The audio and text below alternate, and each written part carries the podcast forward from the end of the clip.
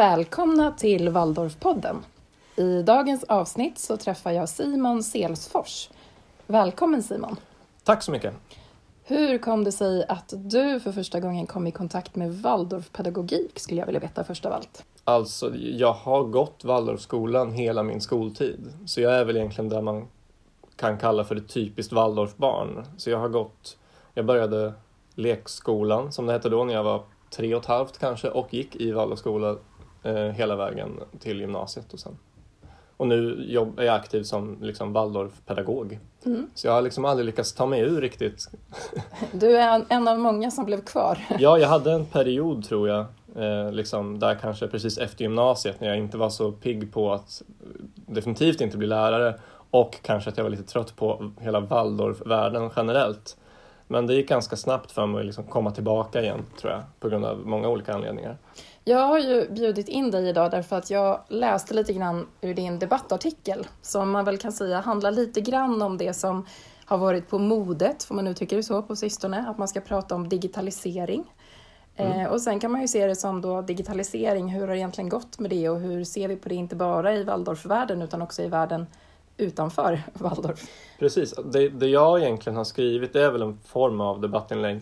Men egentligen inte det, det är inte relaterat särskilt mycket till Waldorfskolan specifikt utan det är nog mer i allmänhet hur man har tänkt kring digitalisering historiskt i Sverige och nu och eventuella paralleller man kan dra och kanske ja, vissa lärdomar man kan dra om man kollar på projekt på 80 och 90-talet och jämför det med hur eh, så att säga debatten funkar nu. Jo, för det jag tyckte var intressant det var ju det, dels det att du faktiskt tog dig tid att skriva om det här överhuvudtaget, men också att ni på Idunskolan där du jobbar just nu, så har ju ni gjort någonting väldigt, väldigt spännande.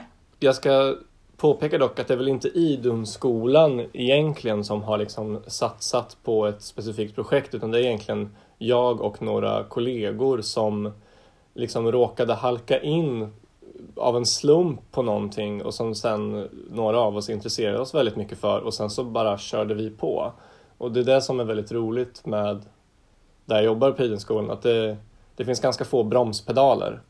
Eh, det finns fler gaspedaler så att jag kan ofta få ganska så här, lite idéer om att Åh, det här borde vi göra, det här är nördigt och dumt och kul, det här ska vi göra.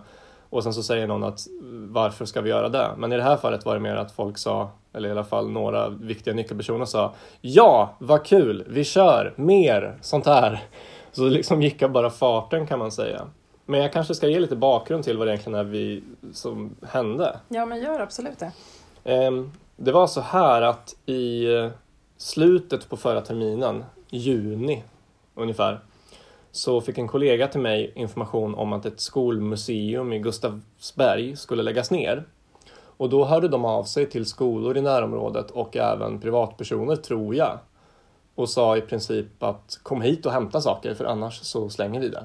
Vi åkte dit och började helt enkelt bara rota i vad de hade för någonting och vi hittade massa coola grejer. Vi hittade en, en gammal projektor från 50-talet, en gammal rullbandspelare med en massa band som typ hette, du vet, Tobaken och du. Svenska 3. Sånt där, jätteroligt. En spinnrock, en tramporgel, biblar från 1800-talet, en sån här gammal flaggkarta som var från 1911 typ räknar jag ut. Det var Ryssland innan revolutionen och brittiska kolonialväldet, franska Indokina och allt sånt här. Men det vi också hittade var en gammal dator och vi blev genast helt förälskade i den här gamla datorn som stod och var kommunalbeige i ett hörn. För det var liksom, vi förstod ganska snabbt att det här var innan våran tid. Så vi tog med datorn och typ prövade att starta den och den startade och frågade efter en diskett. Och vi tyckte det var jätteroligt och jätteättigt. Men, men, men, sen så gick vi på lov. Så det blev inte så mycket av med det där sen. Men sen när vi kom tillbaka i, i augusti, då började jag egentligen efterforska lite vad det var vi hade hittat för någonting och liksom vad var bakgrunden och historien bakom det här.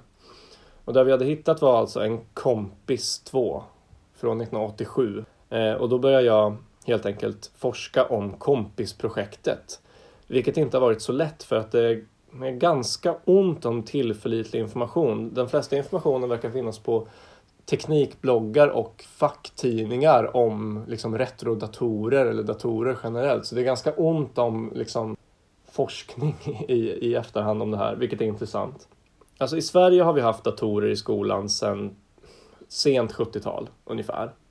Någonstans då. Och då menar jag datorer i form av små datorer, eller mikrodatorer som det kallades då, som, man, som var stora som en skrivmaskin kanske med en skärm, som inte tog upp ett helt rum och med terminaler och sånt där. Det kanske man hade haft också, men det var ingenting som elever kunde använda i någon slags större utsträckning.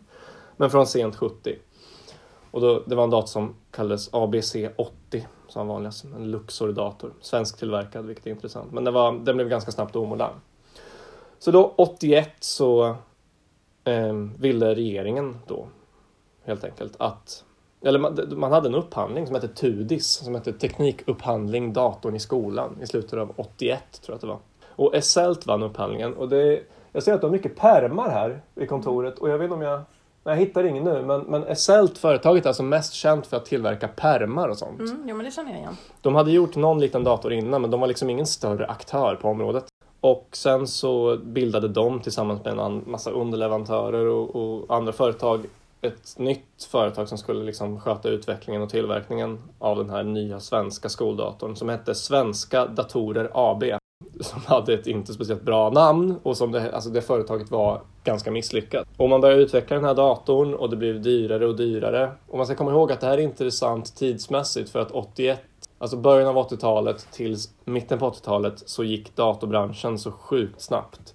För det var då man egentligen satt standarden för hur en dator skulle se ut och vilka funktioner den skulle ha. Och det var väldigt rörigt. Men det var ungefär då som det började utkristallisera sig en, en industristandard. IBM släppte PC 81 och Compaq kom också typ 83-84 så det liksom kom en industristandard. Men i vanlig ordning så tog eh, Sverige ingen notis om det överhuvudtaget utan det bara körde på. Och det började kosta ganska mycket pengar och det kritiserades också tidigt och det ledde till att det här Svenska Datorer AB gick i konkurs. Och det är väldigt intressant, jag har inte hittat någon information om när detta hände. Så de gick i konkurs och då tog ett företag som hette Telenova över som var statligt ägt. Det var ett dotterbolag till Televerket. Vid det här laget så var projektet försenat och det hade blivit mycket dyrare än vad man hade tänkt sig. Men 84 så levererade man de första datorerna och då var skolorna egentligen nästan tvingade till att köpa dem. För att man hade liksom lagt ner så mycket pengar på det. Man hade inte råd att eh, liksom avbryta projektet och man hade heller inte råd att vänta på fler liksom, teknologiska utvecklingar. Vilket gjorde att datorn var i princip omodern en vecka efter att den hade släppts. Vilket var väldigt speciellt. Men alla andra datorer som fanns då var liksom vidareutvecklingar på någonting som redan fanns. Men den här var inte det. Det var liksom helt nydesignat. Allting var nytt och det var därför det blev så dyrt också det är väldigt svårt att hitta siffror på det, men jag läste någonstans att det, det handlade om liksom dubbelsiffriga miljoner kronor i alla fall som eh, man hade lagt ner på. Alltså 85 så kom det, släppte Atari en dator som hette 520 ST och den hade, du vet, den hade tangentbord, den hade färgskärm, den hade mus, man kunde skapa mappar och lägga in filer i mappar och ditt och datt. Så är inte kompisen och det är bara några månader mellan dem kompisen, det stavas kompis med C för övrigt. Computer in school, eller ja, ja. computer i skolan. Liksom. Kompis med C, vilket mm. gav ut, det blev mycket ordvitsar kring det. Manualen hette Bli vän med din kompis. Aha, okay. Och sådär. Eh, men den här, men Ataris dator, liksom så här, om man sätter en 15-åring idag framför en gammal Atari, de kommer fatta vad det är för någonting. För den har, en, liksom, den har alla komponenter som är signifikanta för en dator. Kompisen har inte det. Den har svart och grön matrix-skärm och du måste ge kommandon och den har 5,25 stora disketter. Den känns helt enkelt väldigt, väldigt gammal. 1984 fanns det väldigt få lärare som visste vad en dator var och vad exakt den skulle användas till. Lärarna kunde knappt starta eller stänga av datorerna och mycket av den programvara som den här tillverkaren hade lovat, den fanns liksom inte tillgänglig där i början. Ingen visste riktigt så vad man skulle använda datorn till, i vilka ämnen och hur. Hela projektet präglades av en stor otydlighet i syfte. Liksom. Även ifall ambitionen för projektet var väldigt hög så blev slutresultatet ett misslyckande sett till ambitionen. För själva datorn hade så massa smarta lösningar. Den hade ett uttag för projektor som man kunde projicera skärmen och man kunde förstora en, en, en liten bit av skärmen. Och det är jätte, alltså, undervisningsmässigt skulle det ju vara jätteintressant att du kan visa Programvaran var liksom utformad utefter ämnen så det fanns här matematik 1, fysik 1 och då kanske man kunde sätta i fysik 1-disketten, få upp en någonting och sen förstora och, och visa så här. Så det fanns ju en pedagogisk liksom pedagogiskt tänk i det där. Men det verkar inte som att det liksom användes särskilt mycket, i alla fall inte den utsträckning som var tänkt. Och det var ju problemet, för kompetensen fanns inte. Och det var liksom där det tog stopp egentligen. Så det var det du föll på, att man inte liksom fick igenom det, eller var det någonting annat du föll på tror du? Det föll på extremt dålig timing, brist på kompetens och brist på tydlighet i vad gäller syfte. Och mång, alltså många gånger så lämnades kidsen helt ensamma med datorerna. Att de som var intresserade, de fick sitta i, i datorsalen och, och hålla på och bara försöka göra något vettigt med de här datorerna. För det fanns liksom inga lärare som kunde egentligen vara där som Jag kan säga hjälp. att, att det var så på 90-talet också när jag gick på gymnasiet. Så att det, Det det, var nog ingen skillnad ungefär. Utan då var det så här, du kan gå till datasalen och jobba där så och hämtar jag dig sen. Ja. och göra Ja, någonting. precis. Håll på ni Du med kan, vad, du vad kan ni gå och skriva där inne så hämtar vi ut Ja. dig sen. Ja. Precis, det, liksom, det vart otydligt helt enkelt. Och det intressanta var att de här datorerna var ju svåra att använda också för de var ju verkligen det måste man ju komma ihåg att datorer 1984 liksom och ända fram in på 90-talet det var ju ganska svårt att göra även enkla saker. Och speciellt då när, om man ska vara lite mer teknisk, att liksom datorn använde ett operativsystem som väldigt få datorer använde vid den tiden. Som det hade varit vanligt innan. En processor som jag tror knappt någon annan dator använde. Den använde ett programmeringsspråk som väldigt få andra datorer använde. Och det var också ett problem att om man hade velat ge då svenska elever digital kompetens, vilket var ett, ett politiskt rimligt mål för den tiden. Eh, verkligen. Men det är ju dumt då att man så att säga låter eleverna lära sig på en dator som liksom inte påminner överhuvudtaget om det som det de sen kommer att, kommer att liksom jobba med i arbetslivet. Det var ju PC då. Då hade, då hade man ju gått mot en industristandard. Och det är dumt då att man lär sig upp på en dator som inte påminner alls om, om den man sen kommer att använda. Det, det gick åt pipan ganska fort. Man försökte som sagt, man släppte Kompis 2 1987 för att liksom med och liksom enligt tillverkaren något högre prestanda. Projektet var liksom ifrånsprunget redan från början egentligen. Det dröjde inte många år efter 87 förrän de flesta kompisdatorer var förpassade till olika förråd. Och skolan hade liksom bara gett upp och köpt in kanske PC-maskiner av något slag istället. Som eh, också inledningsvis led av en viss otydlighet vad man skulle egentligen använda dem till.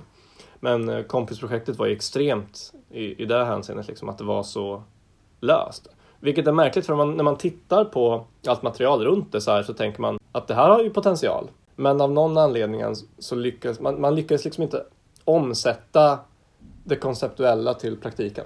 Helt enkelt. Men hur ska ni liksom använda det här nu då? Om du tänker att eh, nu har ni tagit dit de där datorerna, Mm. nu står de på skolan. Vi har två nu ja. Vi, Ja. köp, vi hittade en, sen så köpte vi en till. Ja, det var det ni gjorde, för jag tänkte att Ja. ni hade liksom hittat den andra. Ja, vi köpte också. den, den Ja. andra på Tradera för, för egna pengar, jag och en kollega. Ja. Vi, vi tänkte väl att skolans ledning är väl kanske sådär intresserad av att vi använder skolbudgeten till, till att köpa in datorer som var så här halvt oanvändbara redan 1985. ja, precis. Det, det var lite svårt att motivera så vi helt enkelt tänkte att ja, men vi kör så får vi se vad vi kan göra av det. Och vi har fått igång båda nu.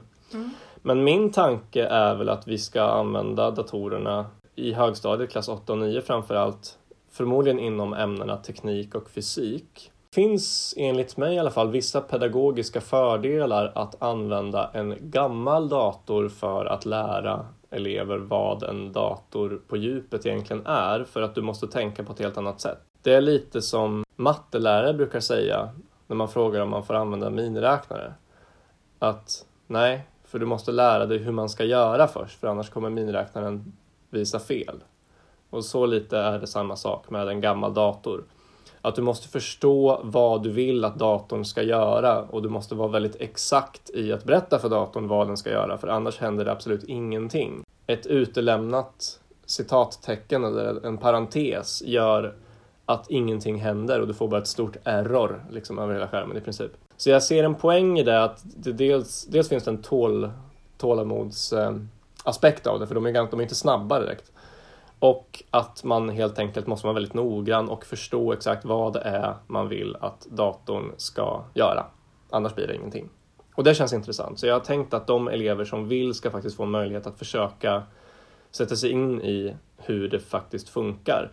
Och det som är bra är att vi kom över en sån här gammal bok som heter Grundläggande programmering i komal, vilket var programmeringsspråket. Så vi har ju den och där finns liksom massa uppgifter att man kan få datorn att rita cirklar och eh, lista olika djur i skogen och hålla på med så här logiska, ja, men så logiska resonemang. Och, och det, det känns som att det faktiskt skulle kunna vara intressant att göra för det blir något helt annat än vad de är vana vid i form av att använda datorer i undervisningen. De är vana vid att man bara tar en halvsliten Macbook ur liksom dataskåpet, öppnar Google Docs, skriver någonting och sen så eh, är det inte så mycket mer än så. Liksom. Inte därmed sagt att, att jobba på det sättet är dåligt eller mindre viktigt, men det blir något annat för man måste verkligen förstå logiken i hur själva datorn funkar för att det ska bli någonting. Jag gick ju som sagt på gymnasiet på 90-talet, ja. samma årtionde som du och din kollega föddes då. Alltså. Mm. Och då var det just det där som du säger, att, att man visste verkligen inte riktigt vad man skulle göra med inte bara de här kompisdatorerna utan också de datorer som kom just efter. Sådär. Och, och, precis som jag sa förut då, det här med att man blev liksom inskickad och fick sköta väldigt mycket själv. Mm. Eh, jag kan ibland känna att vi kanske är lite grann där idag också med eleverna. Att vi låter dem sköta lite för mycket själv. Håller du med mig om det? Det håller jag definitivt uh. med om. Jag tror att, jag vet inte vad man ska, vilken ordning man ska ta där i. För jag har ju liksom ganska många tankar om digitalisering av skolan generellt och liksom, det finns en del paralleller man kan dra till ett projekt som Kompisprojektet och nutid liksom, och, och debatten som finns nu. Det är ju helt klart att även ifall digital kompetens är ett så skumt uttryck tycker jag. För digital kompetens måste väl vara kompetensen att använda vilket verktyg som helst egentligen. En dator eller en, ja, vad man nu menar för digitalt verktyg kan ju vara, det, kan ju, alltså det är ett starkt verktyg och kan användas kreativt. Om du impregneras eller präglas i att använda eller att vara kreativ med ett särskilt verktyg så riskerar du att, eh, att fokusera för mycket på själva verktyget än din egen kreativitet. Jag tror att det finns likheter just med det där du säger att, att elever ibland liksom lämnas lite ensamma, att, att det förväntas att de liksom ska fixa det bara. Att man säger så här, ja men eh, ni ska göra det här och ni ska skriva det i Google Docs och så delar ni med mig och så antar man att alla vet vad man pratar om och vet exakt hur man gör det.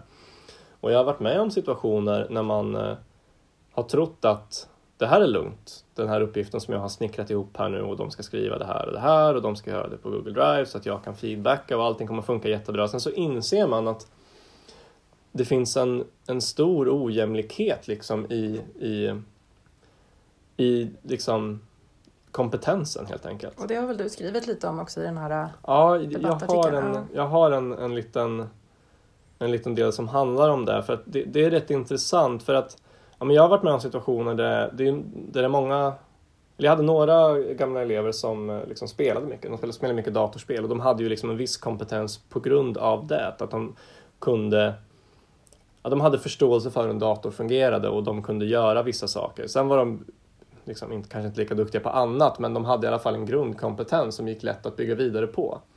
Medan vissa andra var tvungna att liksom ringa hem till mamma och pappa och fråga efter sin egen mailadress. Och då blir det ju lurigt. Och sen så det här att man antar att alla har en dator hemma tillgänglig. Det är inte alla som har det, faktiskt. Speciellt om man arbetar i områden där de liksom, socioekonomiska förhållandena kan se väldigt olika ut då är det ju inte ansvarigt som pedagog att arbeta på det sättet. Då måste man ge dem möjlighet att göra allt det under skoltid och det är kanske inte alla skolor som har, som har den möjligheten. Vi har ingen datasal på idrottskolan, vi har en, en massa elevdatorer och det systemet funkar förhållandevis väl. Men jag har definitivt varit på skolor som liksom inte har samma möjlighet och, och då blir det där ett jätteproblem. För att digital kompetens, om vi nu ska använda det begreppet, de måste ju ha det. Liksom. De måste kunna författa ett Word-dokument som, så det ser rimligt ut. De skulle egentligen behöva typ sköta ett eh, Excel-ark okej, okay, eller åtminstone veta grunderna för hur det fungerar. För det ger dem så mycket mer möjligheter.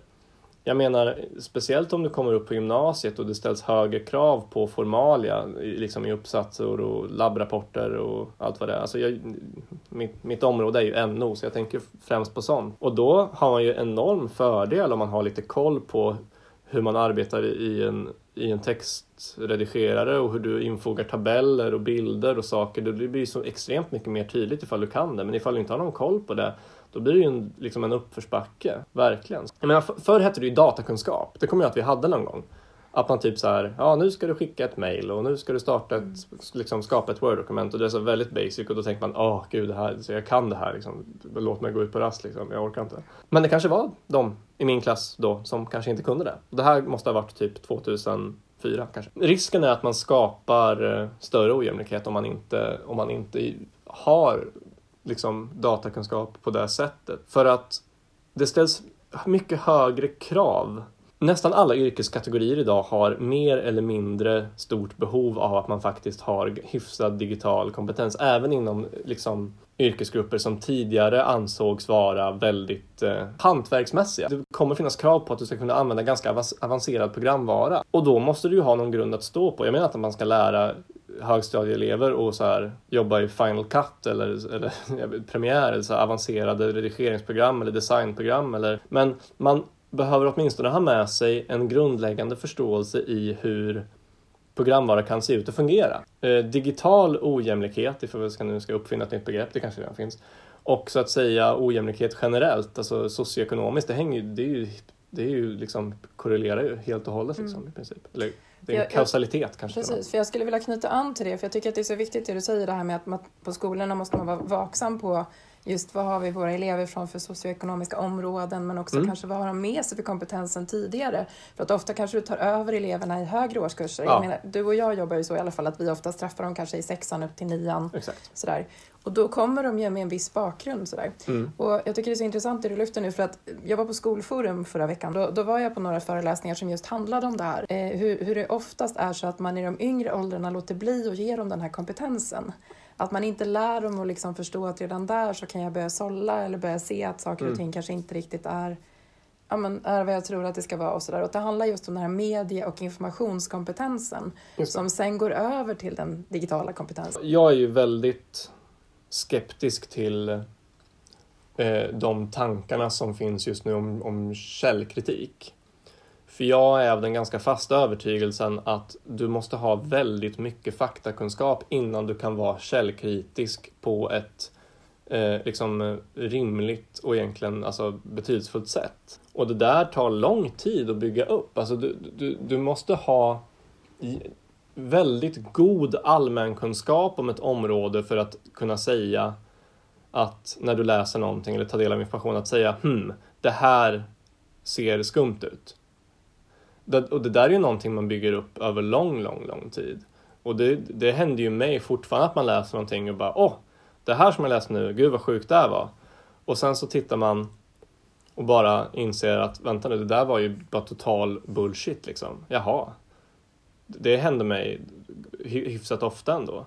Så jag menar, det, det är lite för höga krav mm. tycker jag att ställa på ungdomar eller barn egentligen. Om man nu vill läsa din, eh, den här debattartikeln så småningom. Jag mm. håller på och skriver färdigt nu. Jag känner att eh, om det ska bli aktuellt med en publicering på det sättet, liksom att, jag, liksom, att den finns tillgänglig, då vill jag att den ska vara väldigt bra. Ja. Helt enkelt. Jag vill inte att det ska vara massa... Jag vill att det ska vara tydligt. Mm. Tydlighet är liksom ledordet här idag. Ja, precis. Yep. Stort tack för att du var med i Waldorfpodden och för att du berättade om kompisprojektet och om eh, digitalisering överhuvudtaget och att du mm. vågar lyfta det här ämnet som faktiskt jag tycker är en lite av en het potatis kanske. Det är det som är intressant med digitalisering, bara som en avslutande grej, att man kan inte riktigt påstå att det varit så här skrikdebatter om digitalisering, utan det har egentligen funnits en latent debatt i typ tio år, eller om man ska ta det liksom ända från 80-talet. Jag tänkte alltså, kompisprojektet sen ja, men alltså, ja. debatten har varit mer eller mindre konstant sen teknologin blev eh, tillgänglig. Och det är få andra, så att säga, politiska områden som det har funkat så i, vilket är väldigt intressant. Mm. Så tack eh, så jättemycket för att jag fick komma hit. Ja, men tack för trevligt. att du ville komma hit. Mm, tack.